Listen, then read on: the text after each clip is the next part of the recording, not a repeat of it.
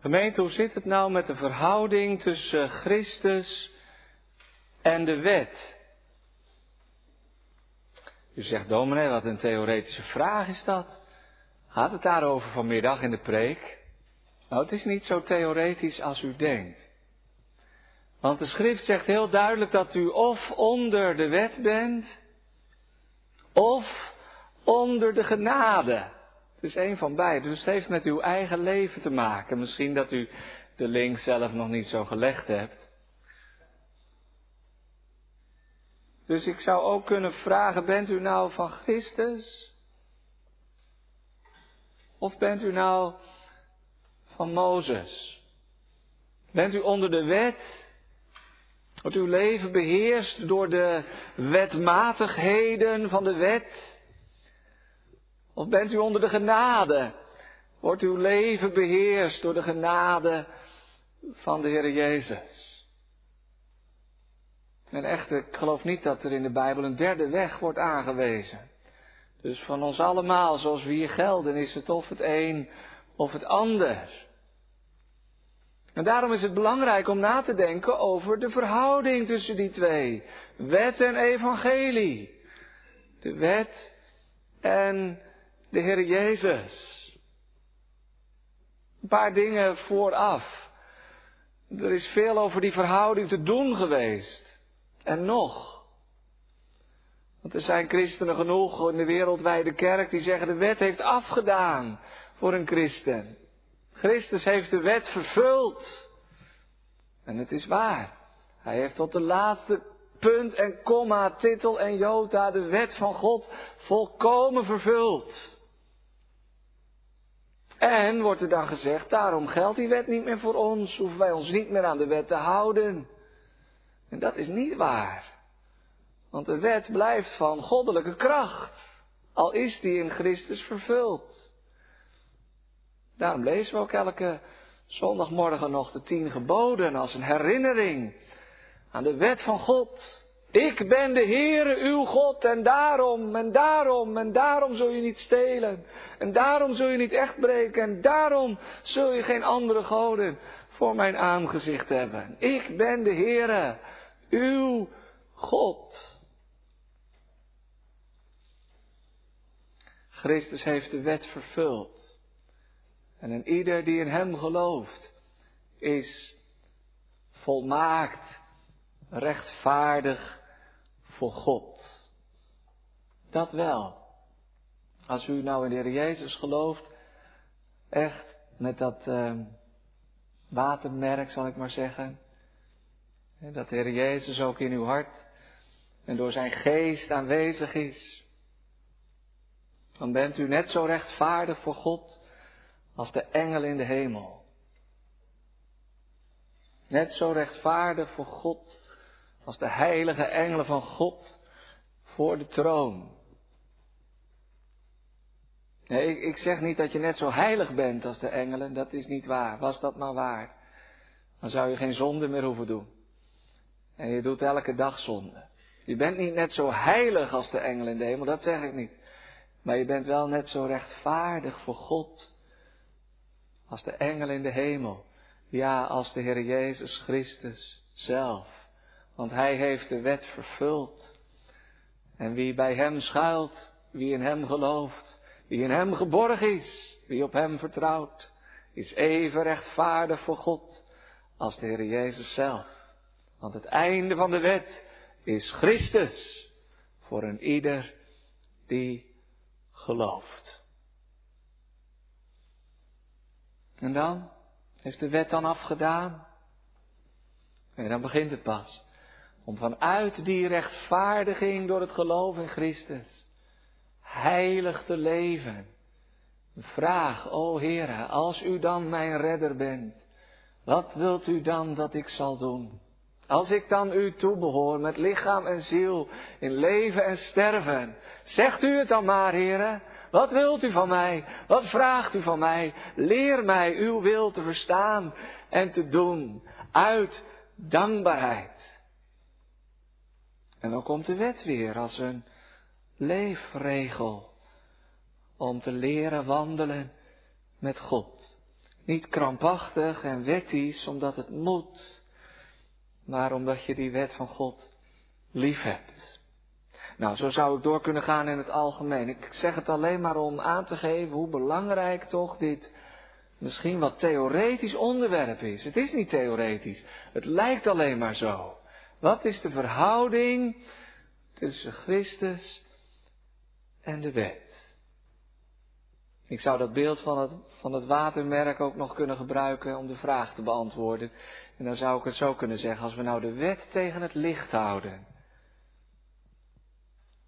Als we de wet van God vanmiddag tegen het licht houden, dan zien we daarin de contouren van de Heer Jezus Christus. Want de wet en de profeten getuigen van Hem. Ga naar de tekst. Het einde van de wet is Christus. Drie perspectieven, drie invalshoeken zou je kunnen zeggen. In de eerste plaats kun je die tekst historisch opvatten. Heils historisch. Dat moet ik even uitleggen, denk ik. De apostel Paulus schrijft over Israël. En dan gaat het over in hoofdstuk 9, in hoofdstuk 10 en hoofdstuk 11 van de Romeinenbrief. En daar in de gemeente van Rome, waar hij aan schrijft, waren Joodse gelovigen, Messias beleidende Joden, en heidense gelovigen. Mensen die niet besneden waren, die de wet van Mozes niet onderhielden, maar wel de Heer Jezus hadden aangenomen als zaligmaker. En het was best wel een beetje spannend, de verhouding tussen die twee groepen. Dat doortrekt eigenlijk de brieven van het Nieuwe Testament. Zeker de brief aan de gemeente van Rome. Hoe ga je dan met elkaar om? En er was een neiging bij die groep heidense christenen vergeef me de terminologie, maar u begrijpt wat ik daarmee bedoel, christenen van heidense oorsprong, was een neiging om zichzelf een beetje te verheffen boven het Joodse volk. Tenminste, dat kunnen we eruit opmaken dat Paulus zegt, dat moet je niet doen, dat moet je niet doen. Het is enkel en alleen Gods genade. En denk nou niet dat je beter bent dan het Joodse volk dat in grote getalen de Messias heeft verworpen. Je ziet als het ware in Rome al iets van die vervangingstheologie. Wij zijn als heidenchristenen in de plaats van Israël gekomen. Wij zijn het. Wij zijn het nieuwe verbondsvolk van God. Wij zijn het ware Israël. En Paulus gaat daar tegen in. Hij is zelf ook een Jood. Een fariseer. Besneden. Met de stam van Benjamin. En hij zit ook met die geweldig moeilijke vraag. Het is een gebedsworsteling voor hem. Heere God, hoe kan dat toch? Dat de grote meerderheid van het Joodse volk niet inziet dat Jezus de Messias is. Hij is gekomen tot de zijnen. En de zijnen hebben hem niet aangenomen. Hij heeft onder Israël gewoond en gepredikt en wonderen gedaan. Ze hebben niet in hem geloofd. Ze hebben hem gekruisigd. Zijn discipelen werden steeds minder in aantal. En zelfs na zijn opstanding en die machtige prediking van apostel Petrus op de Pinksterdag waar 3000 bekeerd werden. Heeft dat niet de verwachte doorwerking gehad onder het hele volk? Maar is er, hoe meer mensen tot bekering kwamen, ook des te meer verzet opgekomen tegen de boodschap van het evangelie en tegen de ene naam die onder de hemel gegeven is tot zaligheid. En in hoofdstuk 9 zegt apostel Paulus, het scheurt mijn hart. Het is voor mij een voortdurende droefheid. Ik kan het eigenlijk niet verwerken, ik kan er niet tegen als ik daaraan denk.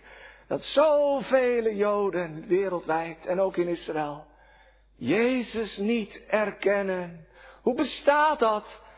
Het is ook zijn gebedsworsteling. Hij brengt het bij de Here terug. Hoe kan dat, Here? Dat ze niet in uw zoon geloven. Mag ik tussen twee haakjes vragen, bidt u ook voor Israël? Doen hoor. Dat is onze dure plicht. Om voor het Joodse volk te bidden. Ook te bidden of God hun ogen wil openen voor de Messias Jezus. Want hij heeft beloofd dat door de bekering van Israël, hoe en wanneer dat dan ook zijn zal, er nog een grote zegen zal komen over de volken van deze wereld. Bidden voor Israël. En mag ik ook tussen twee haakjes even vragen, vindt u dat ook zo aangrijpend? Dat er mensen zijn in uw naaste omgeving, hier in Rotterdam, in uw familiekring, op het werk, in de buurt, mensen zijn die niet in de Heer Jezus geloven. Die zijn er. Ze zijn er ook in Nijkerk. Ze zijn er ook hier. We raken zo aan gewend, hè? Als wij maar met ons clubje naar de kerk mogen gaan. Tussen de massa's Feyenoord supporters doormanoeuvrerend naar de Maranatenkerk. Nou ja, gelukkig nog op tijd. Hè? Maar grijpt het ons dan, dan, dan niet, niet aan? Ik kan niet in het hart van al die mensen kijken die daar met het voetbal gezeten vanmiddag. Het gaat me ook niet om. Maar grijpt het ons niet aan? Dat er zoveel mensen zijn die eigenlijk geen boodschap hebben. Aan de naam en aan het werk van de Heer Jezus Christus. Greep Paulus wel aan. En dan, om het kort te maken, in hoofdstuk 9 benadrukt Paulus de soevereiniteit van God. De verkiezing. En het bewijst vanuit de schrift dat het altijd al zo geweest is. Dat van het volk Israël maar een kleine minderheid trouw was aan de boodschap van Gods woord. En dat uiteindelijk God zelf daarover beslist. Hij geeft het als het ware, hoewel het hem het hart scheurt, terug aan de Heer. Hij legt het in de handen waar het alleen maar veilig is. In Gods handen. Here, hier hebt u uw volk. U bent de soevereine God. U mag ermee doen wat u wilt. En straks in hoofdstuk 11 geeft hij een ander antwoord op dat probleem van Israël. In hoofdstuk 9 zegt hij dus, God beslist. In hoofdstuk 11 zegt hij, God heeft er ook een bedoeling mee. Want weet je, nou is het nog veel rijker dan dat het anders zou zijn. Want God maakt een omweg. God gaat via Rotterdam naar Jeruzalem, als ik het zo mag zeggen. God maakt de omweg van de heidenen. Zij moeten eerst het evangelie van de Heer Jezus horen met Israël zijn volk om zijn volk tot jaloersheid te verwekken. Dat hoeft nou niet zo te zijn dat Joodse mensen ons zien en dat ze ook wel graag christen zouden willen worden. Een soort jaloersheid, heilige jaloersheid. Eigenlijk bedoelt apostel Paulus iets anders. Hij bedoelt met die jaloezie dat ze, het is ook een oordeel dat ze het niet kunnen, kunnen hebben eigenlijk. Dat God, de God van Abraham, Isaac en Jacob, het houdt met de andere volkeren. Zo heeft God het gezegd, als jullie het houden met andere goden, dan zal ik het houden met andere volken. Dus er zit iets van een oordeel in. Maar goed, God gaat de volken door tot aan de uiterste einde van de aarde. Met dat evangelie van de Heer Jezus Christus. En hij endt andere wilde takken in, in de olijfboom. Dat is Romeinen 11. Dat u hier zit. En dat ik hier sta. Als een stelletje heidenen. Onbesneden heidenen. Dat is vanwege Romeinen 11. Dat is de omweg die God maakt in de heilsgeschiedenis. Om bij Israël uiteindelijk terug te keren. En alzo zal gans Israël zalig worden. En tussen Romeinen 9 en 11 staat 10 ingeklemd. Ik hoop niet dat het te veel informatie voor u is, maar ik moet eigenlijk de grote lijn even schetsen. Er staat Romeinen 10 tussen ingeklemd. En in Romeinen 10 gaat het om de analyse, de diagnose van de dokter. Hoe komt het nou eigenlijk dat het volk Christus verwerpt? En niet alleen het Joodse volk, het komt soms ook heel dichtbij, heel dichtbij ons. Christus is het einde van de wet. God maakt een nieuw begin. Maar het Joodse volk, zegt apostel Paulus, probeert hun eigen gerechtigheid op te richten of te handhaven. Vers 3. Omdat ze Gods gerechtigheid niet kennen, proberen ze hun eigen gerechtigheid op te richten en onderwerpen ze zich niet aan de rechtvaardigheid van God. Ja, ze hebben wel een ijver voor God. Ze onderhouden de geboden. Ze bidden elke dag en ze doen dat misschien wel trouwer dan jullie. Ze lezen in de schriften, elke sabbat in de synagoge, elke dag in de huiskamer. Ze dienen geen afgod. Het Joodse volk dient geen afgod, geen Allah of Wodan of Donar of Boeddha. Het Joodse volk dient de God en Vader van onze Heer Jezus Christus. De God van Abraham en de God van Isaac en de God van Jacob. Ze hebben daar zelfs een bijzondere ijver voor. Ze spannen zich tot het uiterste in. Een ijver om God te dienen. Heb je dat ook, een ijver om God te dienen? Dat is niet verkeerd hoor. Dat zou voor reformatorische christenen misschien wel eens goed zijn. Een beetje meer ijver om God te dienen. Want wij zijn van die luie mensen soms. Als het gaat om lezen en bidden en het onderhouden van Gods inzettingen. Dan zijn we eerder te gemakkelijk dan, uh, dan te ijverig. Ze hebben een ijver om God te dienen. Maar niet met het juiste inzicht. Niet met verstand. Letterlijk staat er een woord wat wijst op de blindheid van het hart. Ze zien niet waar het eigenlijk om gaat. Ze hollen aan Jezus voorbij in hun ijver. Want nu Hij gekomen is, en nu Hij geleden heeft aan het kruis van Golgotha, en nu hij opgestaan is uit de doden, heeft God de wet ten einde gebracht. In die zin, heilshistorisch, nu is er een nieuwe periode aangebroken. Het oude is voorbij gegaan. Ziet, het is alles in Christus nieuw geworden. God heeft op een heel nieuwe wijze laten zien dat Hij rechtvaardig is. Hoe heeft hij dat laten zien dan? Dat heeft hij laten zien in de opstanding van de Heer Jezus uit de doden. Want de rechtvaardige, de enige rechtvaardige Christus, zal door zijn geloof leven. En hij leeft. Hij is opgestaan uit de dood. Blijkbaar is hij door God de Vader verklaard de rechtvaardige te zijn. De enige rechtvaardige. En nu kunnen we voor God rechtvaardig zijn, niet door het onderhouden van de wet van Mozes. Want dat lukte toch ook niet. Maar nu kunnen we voor God rechtvaardig zijn. Door het geloof in de opgestane en levende Messias van Israël. Want wie in hem gelooft is met hem de dood ingegaan.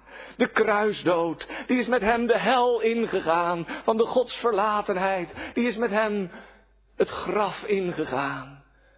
En wie in hem gelooft is met hem opgewekt uit de doden. En dus rechtvaardig voor God. Wie in Jezus gelooft is even rechtvaardig voor God als de engelen in de hemel. Wie in Jezus gelooft is even rechtvaardig voor God als de Heer Jezus zelf. Want het geloof verenigt met Hem. Eén plant met Hem geworden in de gelijkmaking van Zijn dood en in de gelijkmaking van Zijn opstanding.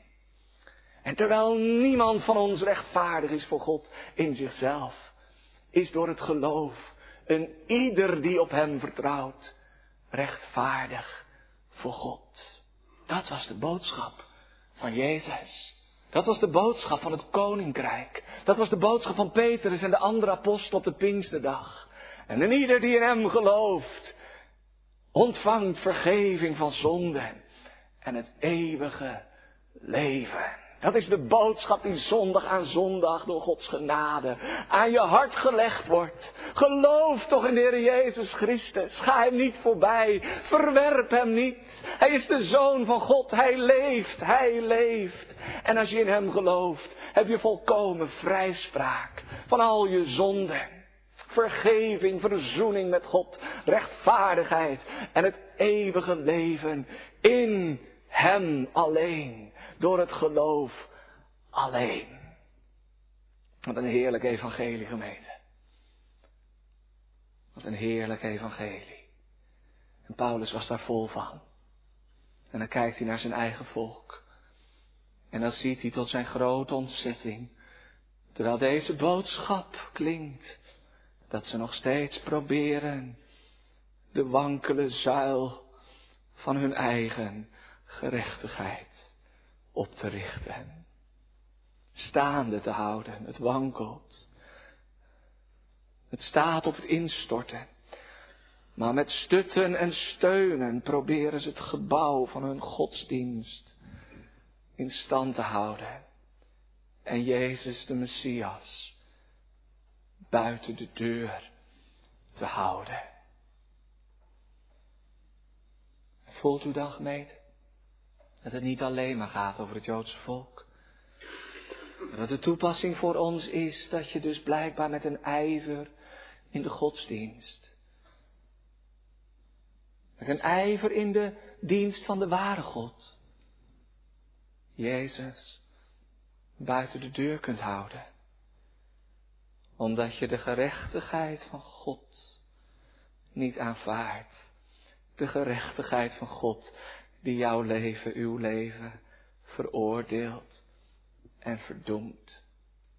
En dat je probeert die ruïne, dat gebouw wat op instorten staat, te stutten en te steunen je eigen gerechtigheid te handhaven en op te richten. Want het einde van de wet is Christus tot rechtvaardigheid voor een ieder die gelooft. Ze buigen niet voor de Messias Jezus, omdat ze ten diepste niet buigen voor de gerechtigheid van God die veroordeelt en vrijspreekt, die vreemde gerechtigheid houden ze buiten de deur. Ze hebben Jezus met al hun godsdienst niet nodig als verlosser en zaligmaker. Ze willen wel een Messias, maar dan een aardse bevrijder. Ze hebben geen behoefte aan een die hen verlost van de grootste nood. Ze hebben geen behoefte aan een die voor hen de plaats inneemt aan het vloekhout van Golgotha. En omdat ze dat nieuwe wat God in de heilsgeschiedenis gedaan heeft, niet erkennen, houden ze Jezus op een afstand. Christus is het einde van de wet. Want God maakt in hem een nieuw begin. Heils historisch. Maar het Griekse woord einde, en dat is mijn tweede gedachte vanmiddag, is niet alleen een punt in de tijd. Je zegt, nou, dat is voorbij. Half zeven, dan is de kerkdienst voorbij, is het einde van de kerkdienst, dan ga je naar huis. Nee, het woordje telos, ze heeft het woord wel eens gehoord, dat is ook een doeleinde. Dat is eigenlijk een pijl die de richting aanwijst. Het einde van de wet, is niet een punt, dat is een pijl. Kijk maar, zegt de apostel Paulus, hoe de wet van Mozes, als je hem tenminste tegen het licht houdt, heen wijst naar Christus. Als we die boekrol nou eens tegen het licht houden, zegt hij, dan zien we daarin wat het Joodse volk in grote meerderheid niet ziet. Dan zien we daarin de bladzijden van het Oude Testament, in die boekrol, in de wet van Mozes, het watermerk van de Heer Jezus, de Messias. Ik heb niet veel tijd om dat heel uitvoerig uit te leggen, dat zou eigenlijk meer zijn voor een Bijbelstudie. Maar de apostel Paulus verwijst naar drie verschillende teksten uit het Oude Testament. In de eerste plaats naar Leviticus 18, vers 5. En dat is in vers 5 van hoofdstuk 10 van de Romeinenbrief. Mozes zegt, hij schrijft over de rechtvaardigheid uit de wet. En dan vat hij in één zin eigenlijk samen wat de rechtvaardigheid uit de wet is. Als je dat doet, dan zul je leven. Hé, hey, Als je de wet dus wilt samenvatten en de rechtvaardigheid uit de wet, dan moet je dat allemaal doen wat in de wet geschreven staat. Allemaal nakomen, tot in de kleinste details voldoen aan de eis van God. Dan moet je kunnen zeggen met die rijke jonge man tegen Jezus, al deze dingen heb ik gehouden van mijn jeugd af aan. Wat ontbreekt mij nog? En dan moet het nog waar zijn, ook zoals het bij hem waar was. Ja, dan moet je nog een stap verder gaan, zoals je bij hem een stap verder moest gaan. Dan moet het niet alleen aan de buitenkant zo zijn, maar Jezus spreekt hem aan op zijn hart. Verkoop alles wat je hebt en geef het de arm en volg mij.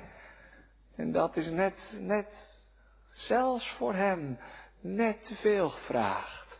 Dat kan hij niet opbrengen. De wet zegt, doe dat.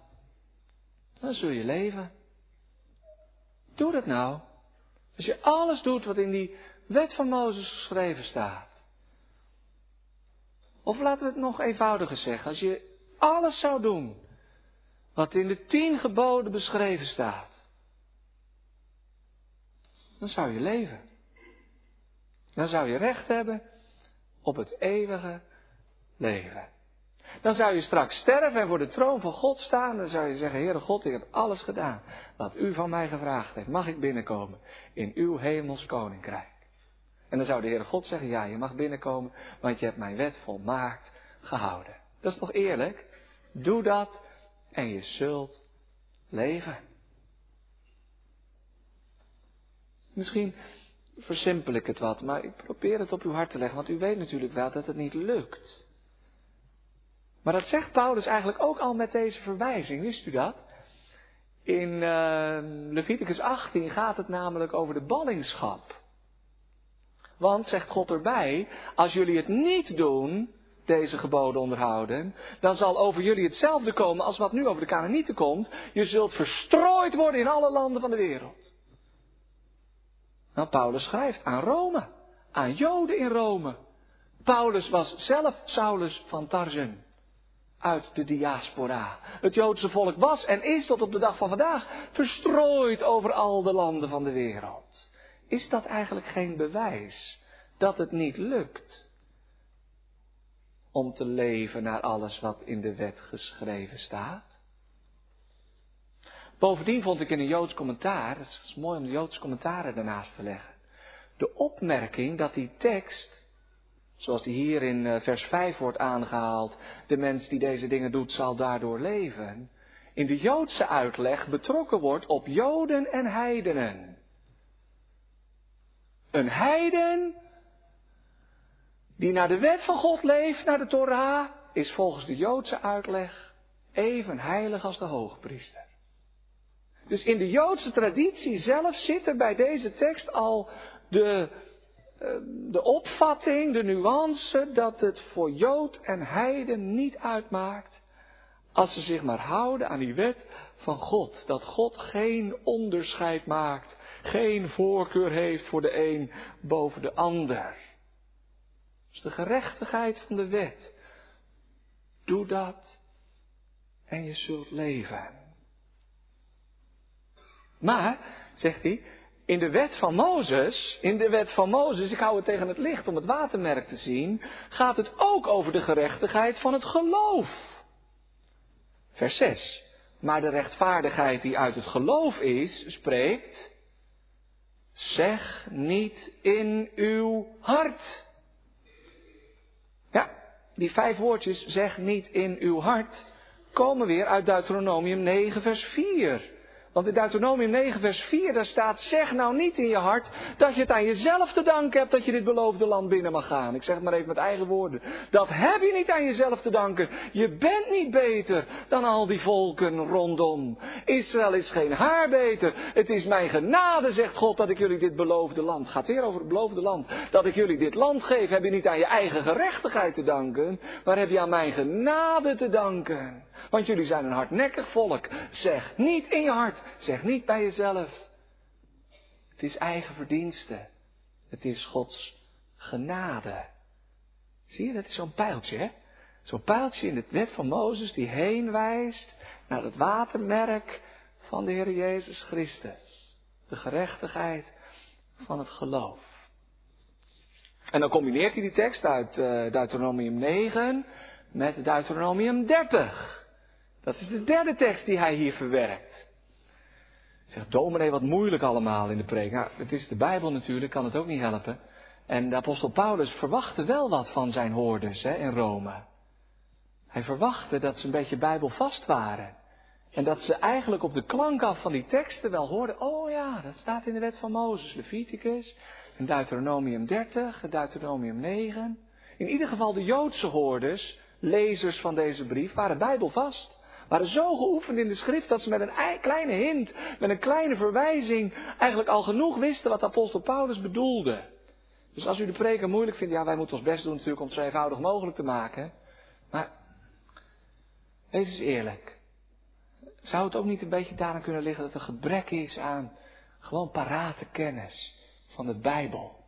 Dat je zegt, oh ja, natuurlijk, dat staat daar en daar. Hoef je het hoofdstuk nog niet te weten. Maar hoe meer we Bijbel vast zijn, des te meer zullen de prediking en de schriften ook in hun verband kunnen begrijpen. Ik zal u een beetje helpen, we hebben het samen gelezen en ik zeg het maar weer heel kort, samenvattend. In Deuteronomium 30, daar zegt Mozes, zeg nou niet, wie klimt erop naar de hemel, om daar de wet van God te halen. En zeg nou niet, wie steekt er over, over de zee, om daar vandaan de wet van God te halen. Opklimmen in de hemel, oversteken over de zee. En bedoelt uh, Mozes daarmee in Deuteronomium 30? Hij zegt, er komt een tijd. En dan gaat weer over het land. Gaat weer over het land. Er komt een tijd dat jullie verstrooid zullen zijn over al de volken tot aan de uiterste einde der aarde. En dan zullen jullie tot inkeer komen, tot bekering. En God zal jullie hart besnijden en het hart van jullie kinderen. En je zult je bekeren tot de Heere je God. Wat een heerlijke dag zal dat zijn. Dus jullie God niet meer kunnen missen, de God van Abraham, van Isaac en Jacob. Als God het oordeel over de zonde, want daar gaat het om in Deuteronomium 30, het oordeel over de zonde, wegneemt. En jullie uit de uiterste uithoeken van de aarde bijeen vergadert tot Hem, tot het beloofde land, tot de Heer Jezus Christus. Weer zo'n pijl naar Hem. Dan hoef je niet meer te zeggen, zegt Mozes tot het volk.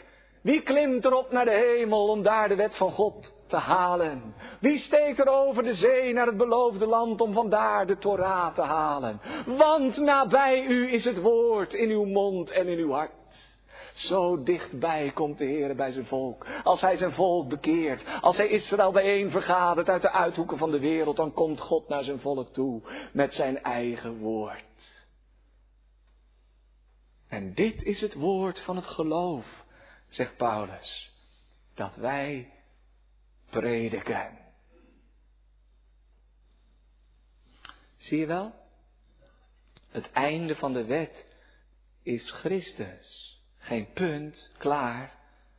Maar in de wet zijn allerlei verwijzingen te vinden naar het beloofde land, dat niet uit verdiensten, maar uit genade ontvangen wordt zijn allerlei verwijzingen te vinden naar Jezus Christus. Wie deze dingen doet, zal daardoor leven. Hé, hey, er is er maar één die deze dingen doet, die deze dingen volmaakt gedaan heeft. Dat is Jezus. En hij leeft. Hij is opgestaan uit de doden. Zeg nou niet in je hart wie klimt erop naar de hemel. Of wie daalt er neer in de afgrond. Paulus wijzigt het beeld iets van de zee oversteken en de afgrond indalen. Dicht dicht bij elkaar. Zeg dat nou niet in je hart. Want dat hoeft helemaal niet. Het is Gods genade waardoor je tot vernieuwing zult komen. God heeft het toch zelf beloofd, ook voor zijn volk Israël. Ja, nabij u is het woord. In uw mond en in uw hart. En dit is het woord van het evangelie, het woord van het geloof dat wij prediken. Heilshistorisch. Maar ook in die zin is Christus het einde van de wet. Dat de wet verwijst, heen wijst. Moet je het wel tegen het licht houden natuurlijk en dat ontdekken in de schriften. Heen wijst naar de genade van God in Christus vervuld. Christus is het einde van de wet. Voor wie? Staat erbij in de tekst. Tot rechtvaardigheid voor een ieder die gelooft. Heilshistorisch, in de schriften en ook in het geloof, is Christus einde van de wet. Dat is mijn derde gedachte. Laat ik het maar gelijk toepassen. Veel tijd heb ik niet meer. Zeg niet in je hart, wie zal opklimmen naar de hemel? Zeg niet in je hart, wie zal afdalen in de afgrond? Herken je dat? Dat is de wet. De gerechtigheid uit de wet. Eh, laat ik het anders zeggen. Voor God hebben we heel veel over. Voor God zouden we ons best willen doen om op te klimmen naar de hemel. Om Hem, om hem te bereiken. Hij is zo ver. Hij is zo ver weg. Zo onbereikbaar voor ons. En we doen ons best zoals een bergbeklimmer niet tevreden is, nooit tevreden is, totdat hij de top van de Mount Everest bereikt heeft. Zo zijn wij niet tevreden. We leggen de lat zo hoog vaak, omdat God die lat zo hoog legt, omdat God heilig is, om op te klimmen naar de hemel.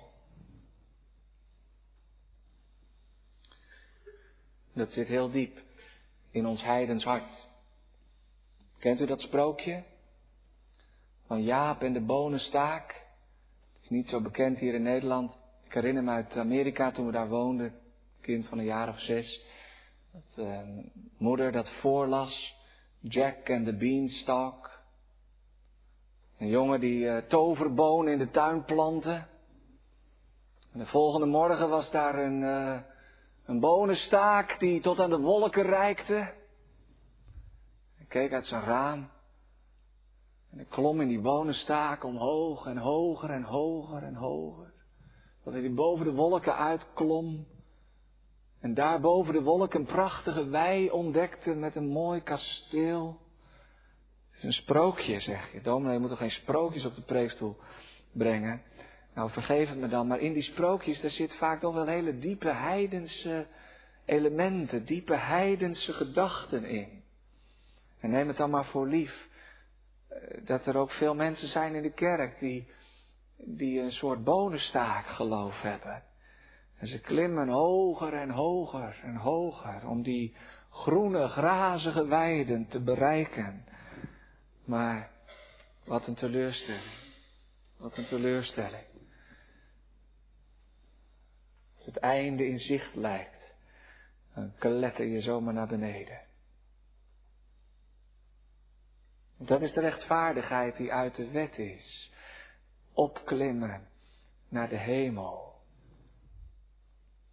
En het lukt niet. Wat dan?